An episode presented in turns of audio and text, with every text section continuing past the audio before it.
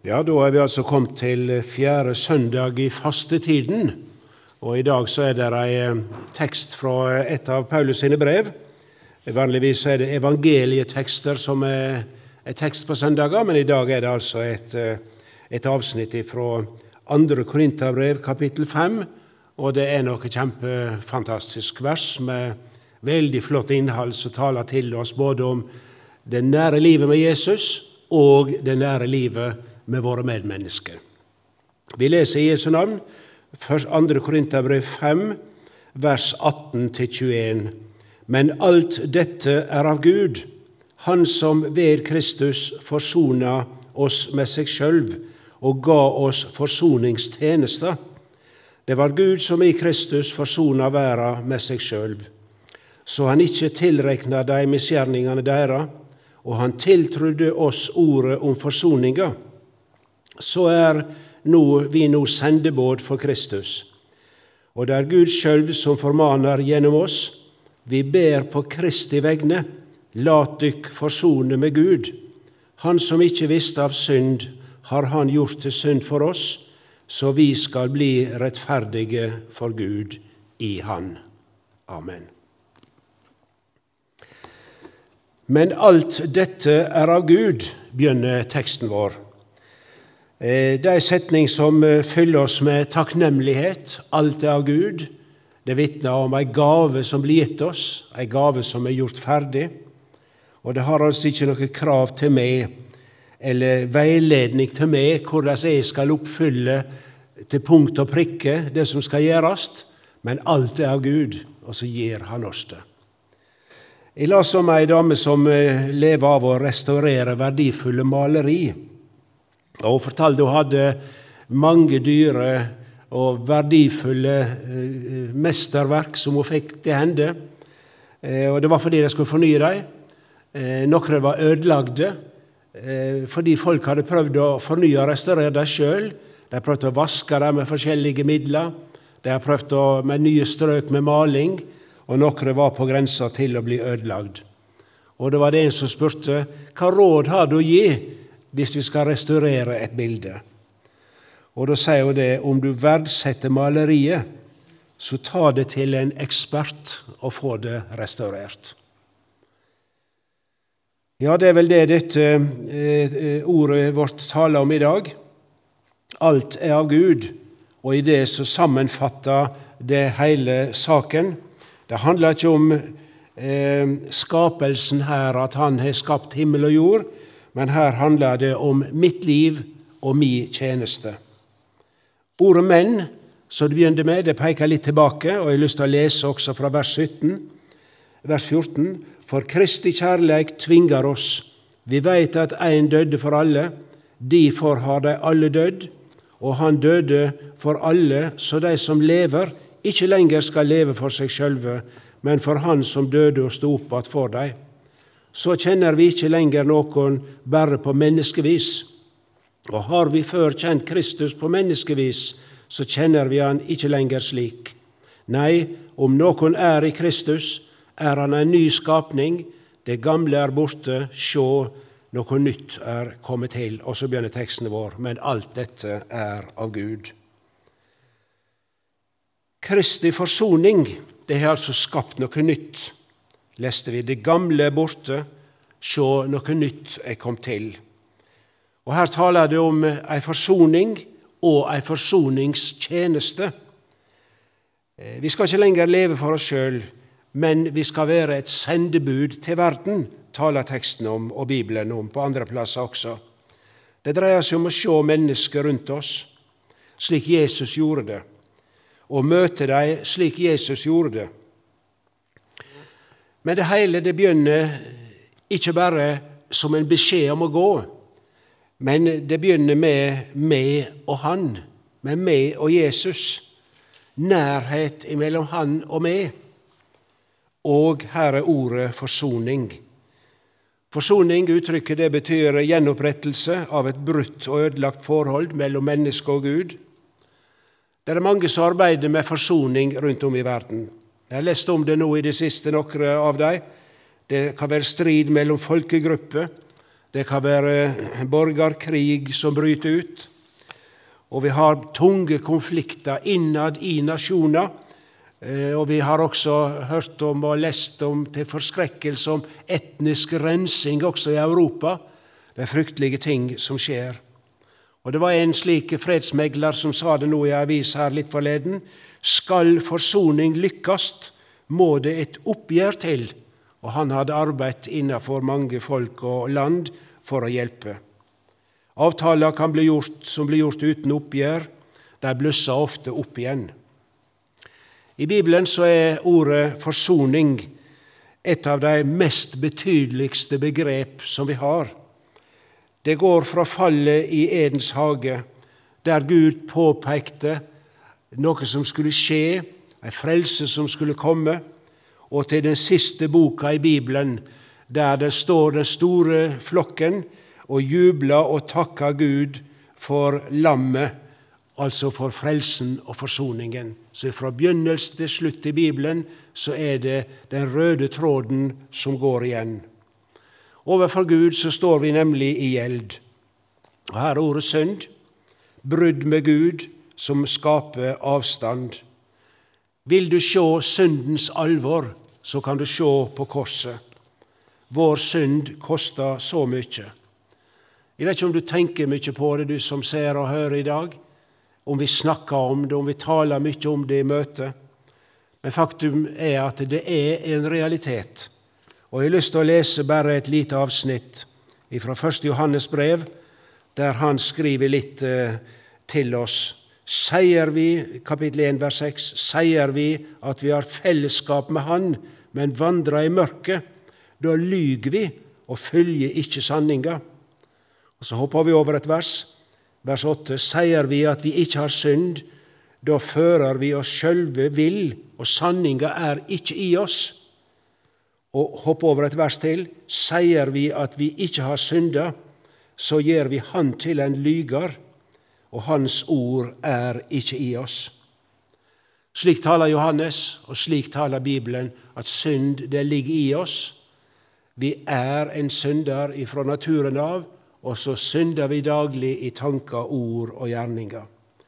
Men så er det slik at når Johannes skriver om dette, og sammenleis andre som skriver i Bibelen også, vi ser det i verset vårt som vi hadde i tekst, som tekst også, så er det som at når han snakker om synd og, og straff, så må han snakke om noe videre.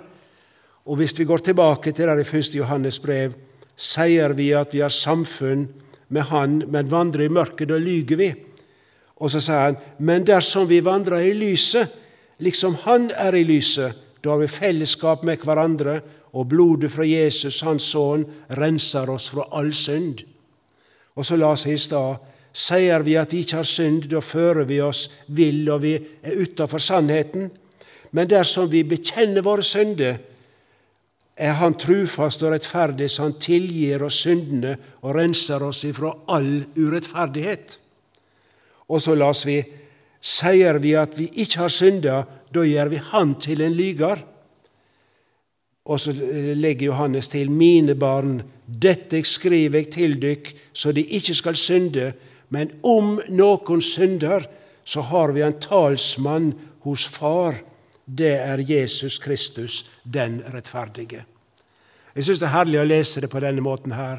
En taler om synd, Bibelen legger alvoret inn over oss, hvem vi er og hvem vi står overfor. Men en kan liksom ikke snakke ferdig før en begynner å snakke om hva Jesus gjorde for oss.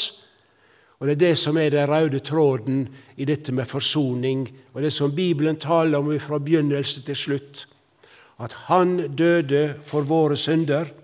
Han ga sitt liv for oss. Vi kan også slå opp i Kolossabrevet, kapittel 2, dette kjente verset. Skuldbrevet mot oss sletta han, det var som var skrevet med lovbåd. Han tok det bort fra oss da han nagla det til korset.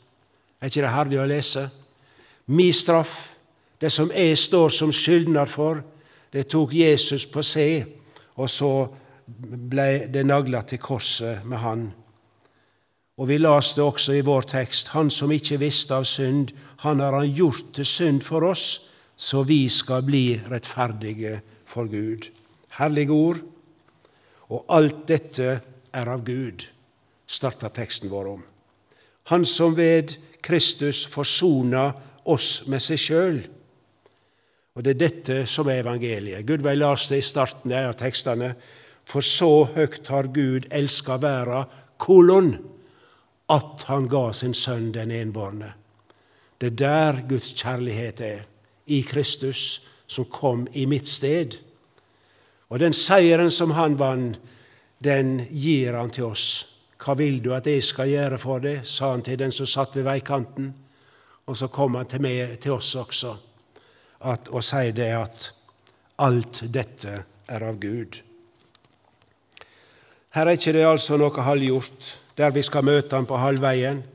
Men alt dette er av Gud. Han tok mi synd og mi skuld på seg og sona straffa. Og han gjorde det faktisk uten mi innblanding. Og så sier ordet 'det gamle er borte', sjå, noe nytt er kom til. Og som om ikke det var nok, også trua er ei gave. Vi kan også lese der ifra, ifra eh, Efesabrevet, eh, kapittel 2. For av nåde er det frelst ved tru. Det er ikke deres eget verk, det er Guds gåve. Og det hviler ikke på gjerningar, så ingen skal skryte av seg sjøl. Også trua er ei gave. Har du fått møte Han? Oppmodiga i Bibelen, det er å løfte blikket opp til Han og det Han gjorde. Vær opptatt av Jesus og Hans verk, og så skal du få se det slik som folk i ørkenen, da de så opp på kopparormen, som Gud sa, så rant det av der sykdommen. Vær opptatt av Jesus, rett fokus på Han. Og Hvis du føler behov for å snakke med noen, så syns jeg du skal ta kontakt med noen som du kjenner og sier du har lyst til å snakke om dette som er det aller viktigste i livet, nemlig å få orden på livet sammen med Jesus. Det var forsoningen. Så taler han også teksten vår om en forsoningens tjeneste, om et oppdrag han har gitt til de som tror. For Kristi kjærleik tvinger oss. Kom han da med svøpa og kravet 'du skal', 'du skal ikke', når skal du gå og så føle en byrde som henger over seg? Ja, det er noen som kanskje føler det. Og noen er uvise ved å kreve av andre at de skal være med og få på en måte legge eh, dårlig samvittighet innover en, at en ikke gjør nok. Og så sitter en der og føler at en er ikke god som de andre. Men eh, da skal vi lese opp igjen dette vers 17b. Det gamle er borte, sjå, noe nytt har kommet til. Dette gjelder også tjenesten. Tjenesten er ikke et krav og ei svøpe som henger over oss, men det er ei gave til oss. Gud han forsoner verda med seg sjøl. Det gjelder alle, uten unntak. Og ansvaret for å fortelle det, det har han også lagt ned iblant sine barn. Han betrodde oss det. Og Jeg syns dette avsnittet i 2. Korinterbrev 5 det er noe av det sterkeste uttrykk for tjeneste og for kall som vi kan lese i Bibelen. Et sendebud for Kristus. Vi ber på Kristi vegne, la dykk forsone med Gud. Det er ikke småtteri. For Kristus, på Kristi vegne. Husk temaet for i dag. Alt dette er av Gud. Vi la oss for ikke lenge siden, eller for litt siden om eh, det er kanskje flere som har vært i New York. Og Flyplassen der det er LaGuardia. Og Han som har, er oppgjenkalla eh, til flyplassen, han heter Fiorello LaGuardia. Han eh, eh, var mest kjent for å være eh, borgermester i New York. Han var det fra 1934 og faktisk i tre perioder, var veldig godt likt. Han var jurist og var dommer. Og, I tre perioder så var han borgermester, og det er det som gjør at han har fått uh, opp igjen flyplassen etter seg. Men det fortalte om en dag da gikk han ned til byretten og ville avløse, avløse dommeren som var der. Mye folk i salen, og han fikk sakene lagt foran seg. Og den saken så, En av sakene som kom, det var ei eldre dame som var arrestert fordi hun hadde stjålet mat til barnebarna sine. Og Han las opp saka og gikk igjennom det. Og han sa at det du har gjort er feil, og så dømmer jeg det til ti dollar i straff for dette du har gjort, og så klubber han i bordet. Men idet han sa det, så, så, snur han hatten sin som lå på bordet. Og Så tar han opp lommeboka, og så tar han ti dollar og så legger han i hatten. Og Så ser han utover eh, forsamlinga som var der. Og det som er til stede, det ilegger jeg straff på en halv dollar fordi det bor i en by der ei bestemor er nødt til å stjele mat slik at ikke barnebarna skal svelte. Og så fortsetter han, sender rundt hatten i, i salen. Jeg syns det er en koselig og fin fortelling. Eh,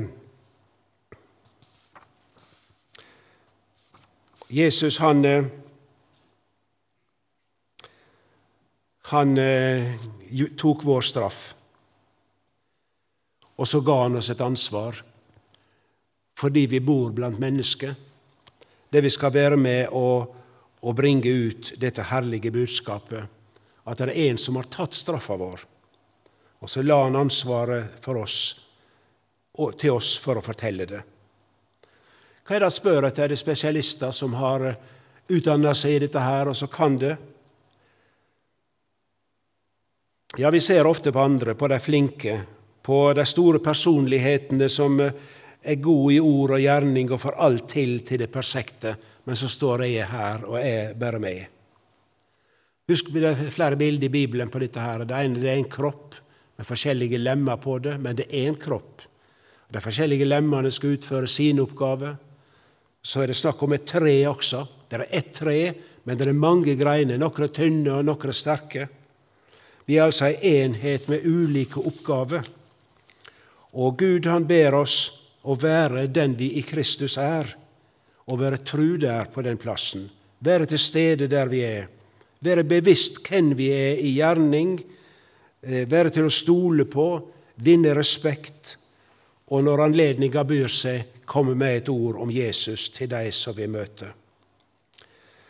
Eh, det er ofte vanskelig for mange. Asbjørn han eh, sa litt om rundt om i verden der folk må lide for sin tru. Og Vi ser det nå i disse koronatider, så står de kristne flere plasser bak i køen og får ikke hjelp mot sykdommen heller, hvis ikke de fornekter Jesus. Det er en fryktelig verden vi lever i. Og Noen av dem blir pressa altså til å fornekte Jesus. Og Her hos oss så er ikke det lett å starte en samtale med folk om å ta imot Jesus. For det er ofte så penser det over på, på ømfintlige spørsmål som de veit svaret på, og vil sette oss i forlegenhet av det. Og så blir det til at vi blir stille. Men vi skal, og vi skal være glade for at det er folk som, eh, som driller seg på disse tinga og stiller seg fram. Og her er vi noe å lære av de som gjør det også, slik at vi på, en, på vår måte kan være med og bekjenne Jesu navn. Men jeg tenker på at det er en vi kan lære av. Det er Johannes kapittel 9. Det var en som ble helbreda. Og så var det etterpå så prøvde de å henge han ut og sette han i forlegenhet og, og, og komme med, med, ting som han ikke hadde greie på. Og mannen han ser bare på det og sier 'Dette veit jeg ikke', men ett veit jeg. Jeg var blind, og nå ser jeg. Var ikke det flott? Han visste ikke svaret på alle ting, men han visste svaret på det viktigste, at Jesus hadde berørt hans liv. Verden trenger sånne mennesker som med et enkelt vitnesbyrd er med å bringe ut at vi har møtt Jesus. Mennesker som stiller seg fram fordi Jesus betyr noe i livet deres. La oss se stort på det. Er jeg et sendebud for Jesus, på vegne av Han der jeg er?